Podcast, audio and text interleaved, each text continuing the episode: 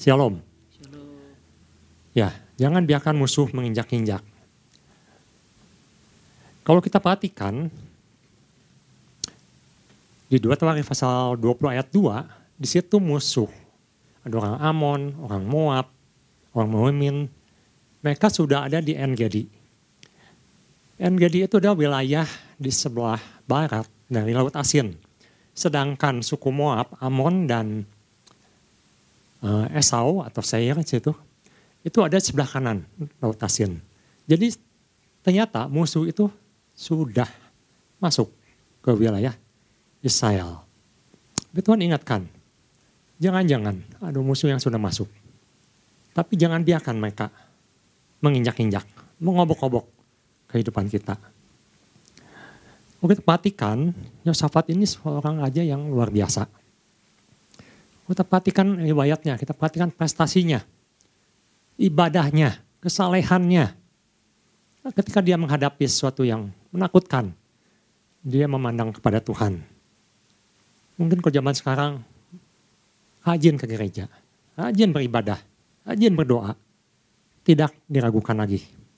Cintanya kepada Tuhan, pelayanannya, puji-pujiannya, pencariannya kepada Tuhan. Kalau di angka 100 dalam mengerti masalah, di 2 Tawarin 20 ayat 12 yang menjadi ayat utama kita, dia nyatakan, dia tidak kuat, dia tidak tahu apa yang harus diperbuat, tapi dia katakan, mataku tertuju pada Tuhan. 100. Jadi kalau kita nilai, bagaimana Hajar Safat, Hajar Safat ini di hadapan Tuhan? 100, 100, 100, 100. Ideal, luar biasa. Boleh katakan dia menghidupkan kembali apa yang Daud pernah lakukan.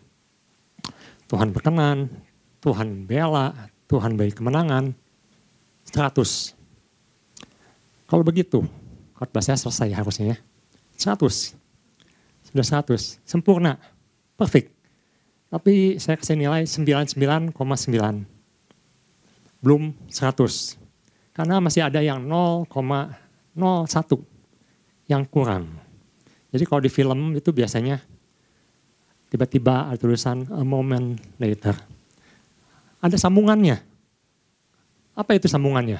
Ternyata ada satu yang 0,01 itu yang dia perbuat yang mengakibatkan musuh menginjak-injak, musuh mengobok-ngobok, musuh hampir menghancurkan rencana kerajaan Allah.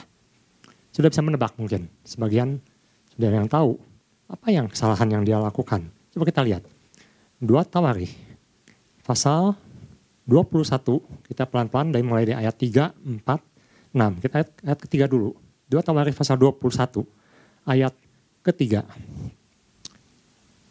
Ayahnya memberikan kepada mereka banyak pemberian berupa emas dan perak dan barang-barang berharga. Juga kota-kota berkubu di Yehuda. Siapa yang memberikan harta ini, kekayaan ini? Kemegahan ini. Yosafat. Yosafat berikan pada anak-anaknya. Satu persatu diberkati. Kota-kota berkubu, emas, perak. Seorang bapak yang luar biasa. Tetapi kedudukan raja, ahli waris, diberikannya kepada Yoram. Anaknya yang namanya Yoram. Dia berikan tahtanya. Karena dialah anak sulung. Jadi Yoram ini anak sulung. Jadi menggantikan Yosafat sebagai raja. Ayat keempat. Sesudah Yoram memegang pemerintahan atas kerajaan ayahnya dan merasa dirinya kuat, apa yang dilakukan anaknya ini, pemegang tahta ini? Dia membunuh dengan pedang semua saudaranya dan juga beberapa pembesar Israel. Ternyata hanya beda satu generasi. Apa yang Yoram lakukan setelah Yosafat berjerih payah, berjerih lelah, memberikan yang terbaik buat anak-anaknya. Yoram membunuh semua saudara-saudaranya. Semua dibunuh. Adik kakaknya dibunuh. Semua keturunan Yosafat dibunuh. Ayat yang keenam. Mengapa bisa begitu? Karena Yoram hidup menurut kelakuan raja-raja Israel seperti yang dilakukan keluarga Ahab. Sebab yang menjadi istrinya adalah anak Ahab. Ia melakukan yang jahat di mata Tuhan. Ada kata kunci di sini. Karena istrinya adalah anak Ahab. Ahab adalah penguasa Israel Utara. Jadi rupanya di sini ada celah yang dibuka oleh Yosafat. Seorang raja yang luar biasa, yang nilainya hampir 100 semua.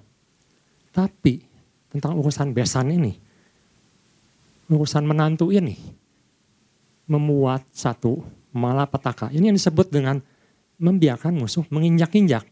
Memasukkan satu tetes nila ke sebuah belangga susu. Nila itu racun. Kalau ibu bapak diberikan suatu minuman, minuman yang enak sekali, tapi sudah ditetesi racun, apakah ibu bapak mau meminumnya? Karena racun itu akan larut dan merusak semuanya. Sangat disayangkan, tapi ini ada satu pembelajaran untuk kita semua. Sesuatu yang mungkin tidak kita sadari. Kita anggap ini sesuatu yang biasa-biasa saja. Mungkin Yosafat waktu itu berpikir, aku bisa mempersatukan Israel kembali menjadi utuh. Mungkin seperti itu. Waktu itu dipimpin oleh Ahab, Israel Utara. Dia memimpin Israel Selatan, Yehuda. Dia mengawinkan anaknya dengan anak Ahab. Ada satu pertalian, ikatan perkawinan politik mungkin. Itu satu keutuhan. Dia, dia akan berpikir mungkin kerajaannya akan bertambah kuat. Tapi apa yang terjadi? Di sinilah yang disebut iblis mulai masuk dan mengobok-ngobok. Kita lihat. Tawarikh pasal 22 ayat 1. Apa yang terjadi? Memang Yosafat tidak mengalami sewaktu dia masih hidup. Tapi Anda perhatikan, kalau kita sebagai orang tua melihat anak kita dibunuh semuanya, cucu kita dibunuh semuanya, Bagaimana perasaan kita? Pasal 22 ayat 1. Lalu penduduk Yerusalem mengangkat Asia, anaknya yang bungsu, menjadi raja mengatakan dia. Karena semua anaknya yang lebih tua umurnya telah dibunuh. Kita perhatikan. Dibunuh. Oleh gerombolan yang datang ke tempat perkemahan bersama-sama orang Arab. Dengan demikian Asia anak Yoram, Raja Yehuda, menjadi raja. Kita perhatikan Generasi kedua dibunuh semua. Generasi ketiga dibabat semua. Siapa yang menduga? Hanya cuman karena berbesan. Urusan kawin mengawinkan. Urusan memilih keluarga, memilih calon mantu di sini. Mungkin kita pikir, suatu perkawinan bisa menguatkan bisnis kita, bisa menguatkan pekerjaan kita, bisa memperkuat kedudukan kita. Mungkin dalam pemerintahan, mungkin dalam bisnis skala besar. Tapi apa yang kita lihat? Ketika bersekutu dengan orang yang tidak takut akan Tuhan, hasilnya adalah diobok-obok, diobak-abik, dihancurkan. Ini satu teguran.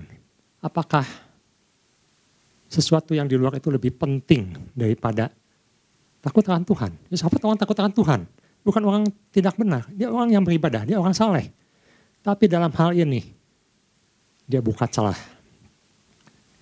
Dan hasilnya adalah mengerikan. Kita lanjutkan.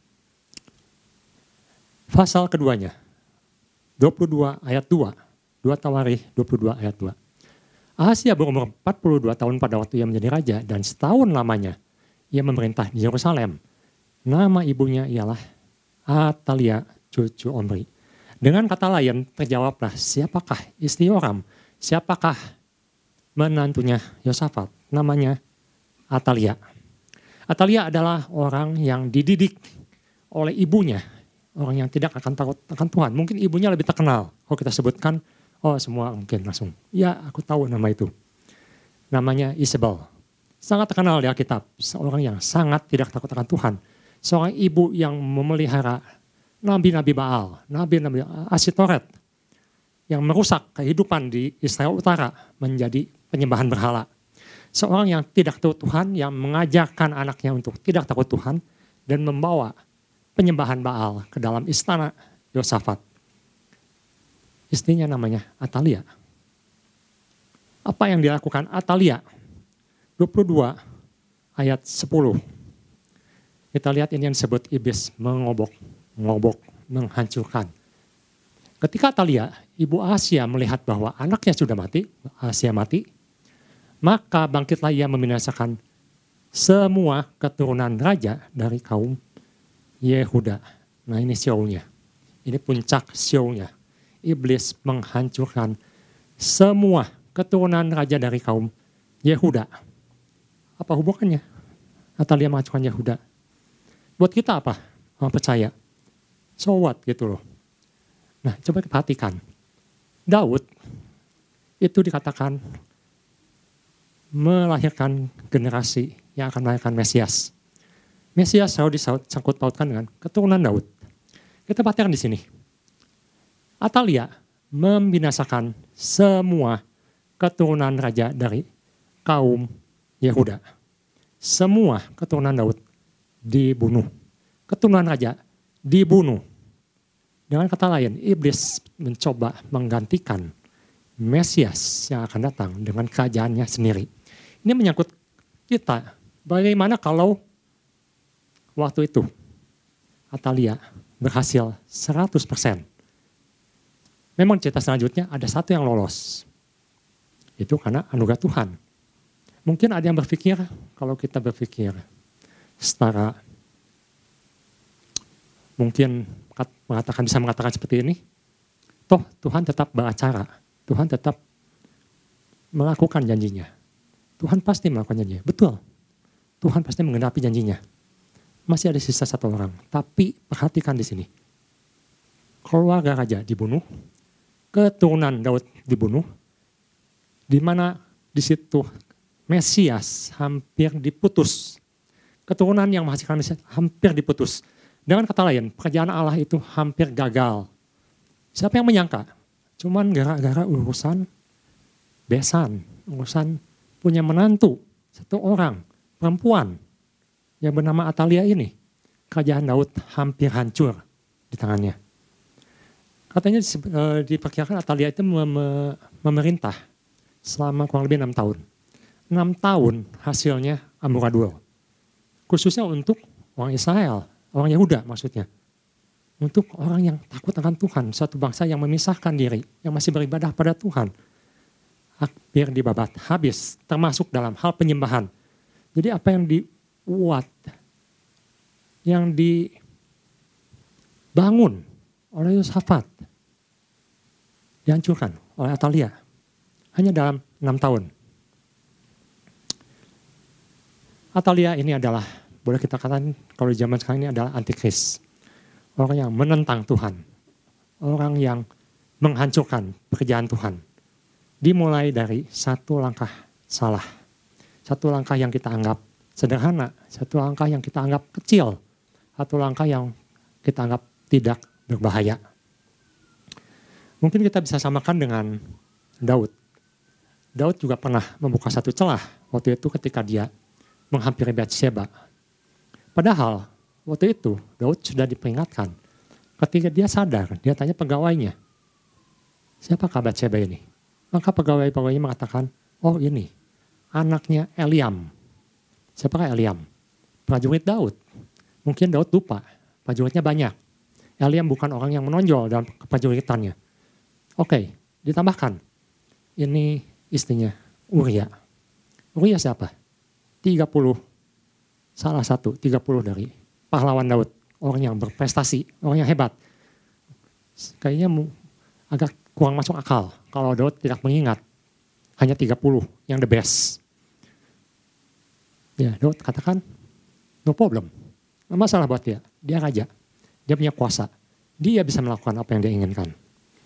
Sayang di situ, tidak dicatat, pegawainya mengatakan, masih ada satu lagi, lupa dikatakan. Dia cucunya Ayatofel, itu tidak disebutkan. Dan itu yang menjadi batu sandungan nanti satu hari dalam kehidupan Daud. Daud masa kuat, Daud masa hebat. Sama seperti mungkin Yosafat lengah di satu titik, hanya satu bidang yang dianggap biasa-biasa, tidak berbahaya. Ini sama dengan memasukkan satu sel kanker ke dalam tubuh. Cuma satu sel, tapi sel itu berkembang. Merajalela. dan menghancurkan semuanya. Jadi dalam hidup ini kita jadi yang bagian pertama ini adalah jangan buka celah sekecil apa pun. Apakah kita harus jadi orang sempurna? Tentu tidak bisa. Kita ini orang yang berdosa, banyak kesalahan. Tapi setidaknya kita jangan menganggap sesuatu yang kecil, sesuatu yang kita anggap ini tidak akan berdampak apa-apa. Tanpa bertanya Tuhan, coba perhatikan, Yosafat selalu menanya Tuhan. Dan berperang dia menanya Tuhan. Kenapa dalam hal berbesan? Tidak menanya Tuhan. Tentu ada sesuatu yang menganehkan di sini. Coba kita lihat di 2 Tawarikh pasal 19 ayat kedua. Apakah Yosafat lupa? Atau Yosafat, ah, urusan anak ini, nggak usah tanya Tuhan lah. Saya lihat keluarganya oke okay lah. Saya lihat keluarganya menyembah berhala, tapi kan kita tidak menyembah berhala.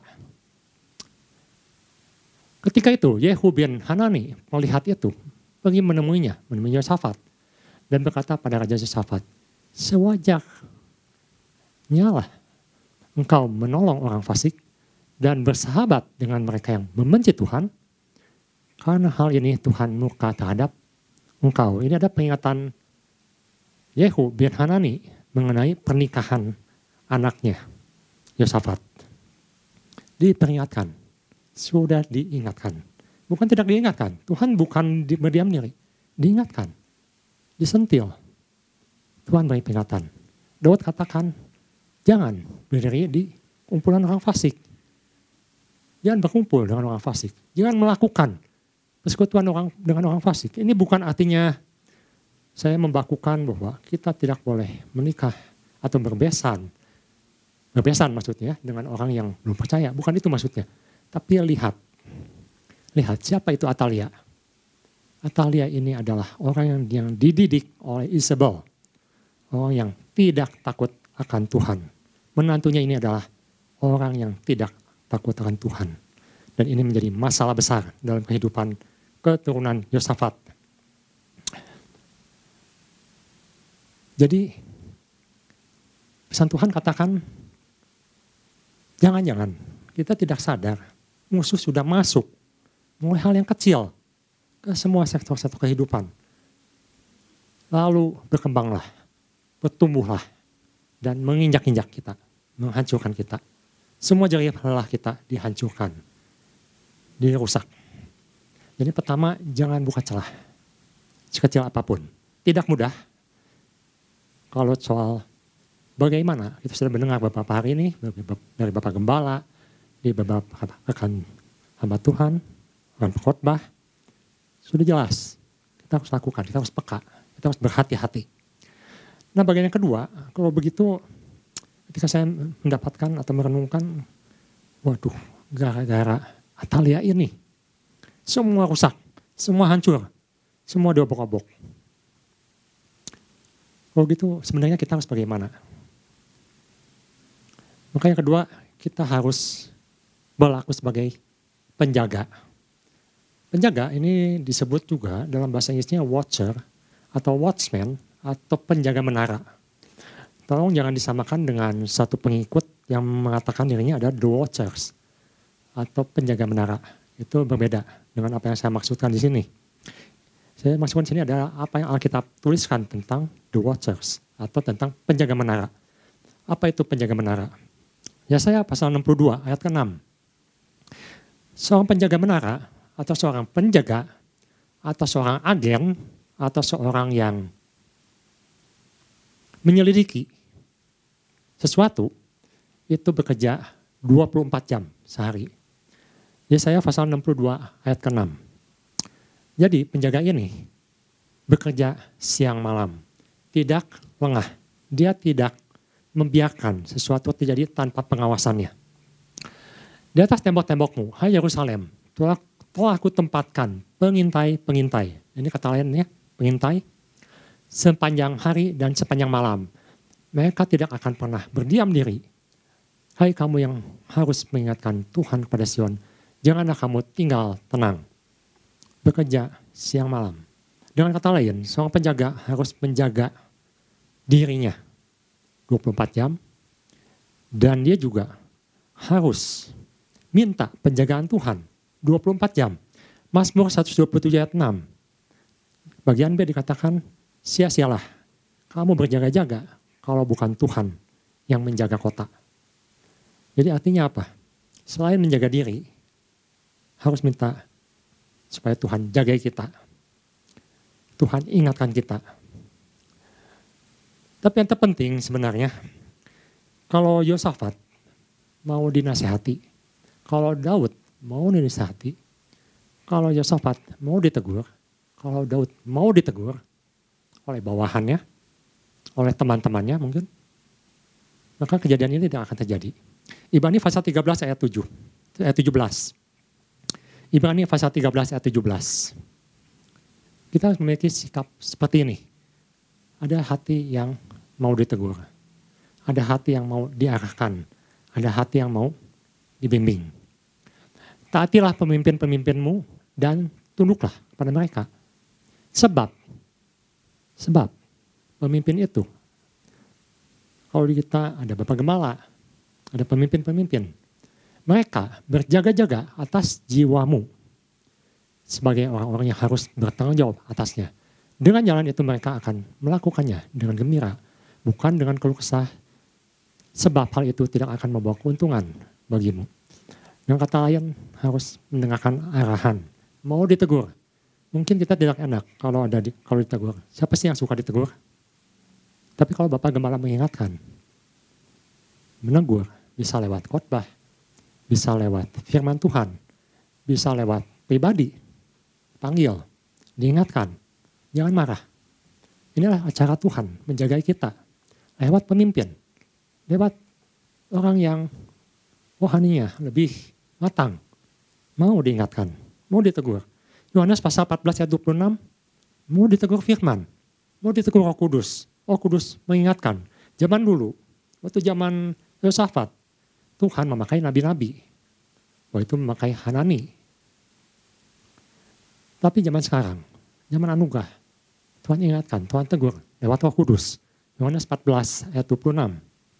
Tuhan menegur lewat roh kudus.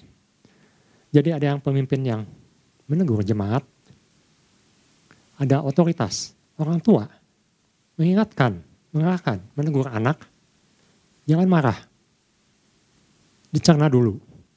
Jangan-jangan ada sesuatu yang terbuka, jangan-jangan ada racun yang sedang masuk. Jangan-jangan ada bibit yang akan merusak. Tetapi penghibur yaitu roh kudus yang akan diutus oleh Bapa dalam namaku. Dialah yang akan mengajarkan segala sesuatu kepadamu dan akan mengingatkan kamu akan semua yang telah kukatakan kepadamu. Roh kudus akan menegur kalau kita menyimpang dari firman. Dan yang terakhir, ternyata kita pun mempunyai tugas untuk saling mengingatkan saling mendoakan sesama jemaat, sesama saudara seiman. Matius pasal 18 ayat 15. Matius pasal 18 ayat 15. Apabila saudaramu berbuat dosa, tegurlah dia. Ingatkan dia, nasihati dia. Di bawah empat mata. Jika ia mendengarkan nasihatmu, engkau telah mendapatkannya kembali. Tegur, ingatkan. Itu sebenarnya salah satu tugas orang percaya Supaya apa? Supaya dia berbalik, supaya dia bertobat, supaya bibit itu mati, supaya bibit itu tidak berkembang. Jangan dibiarkan, jangan sampai musuh mengembangkan sayapnya dan menginjak-injak. Dan yang ayat terakhir, kita lihat Yakobus pasal 5 ayat 16. Ini ada satu yang sangat penting di mana kita harus saling mendoakan. Keluarga saling mendoakan. Saudara-saudara saling mendoakan. Yakobus pasal 5 ayat 16. Karena itu hendaklah kamu saling mengaku dosamu dan saling mendoakan. Supaya kamu sembuh.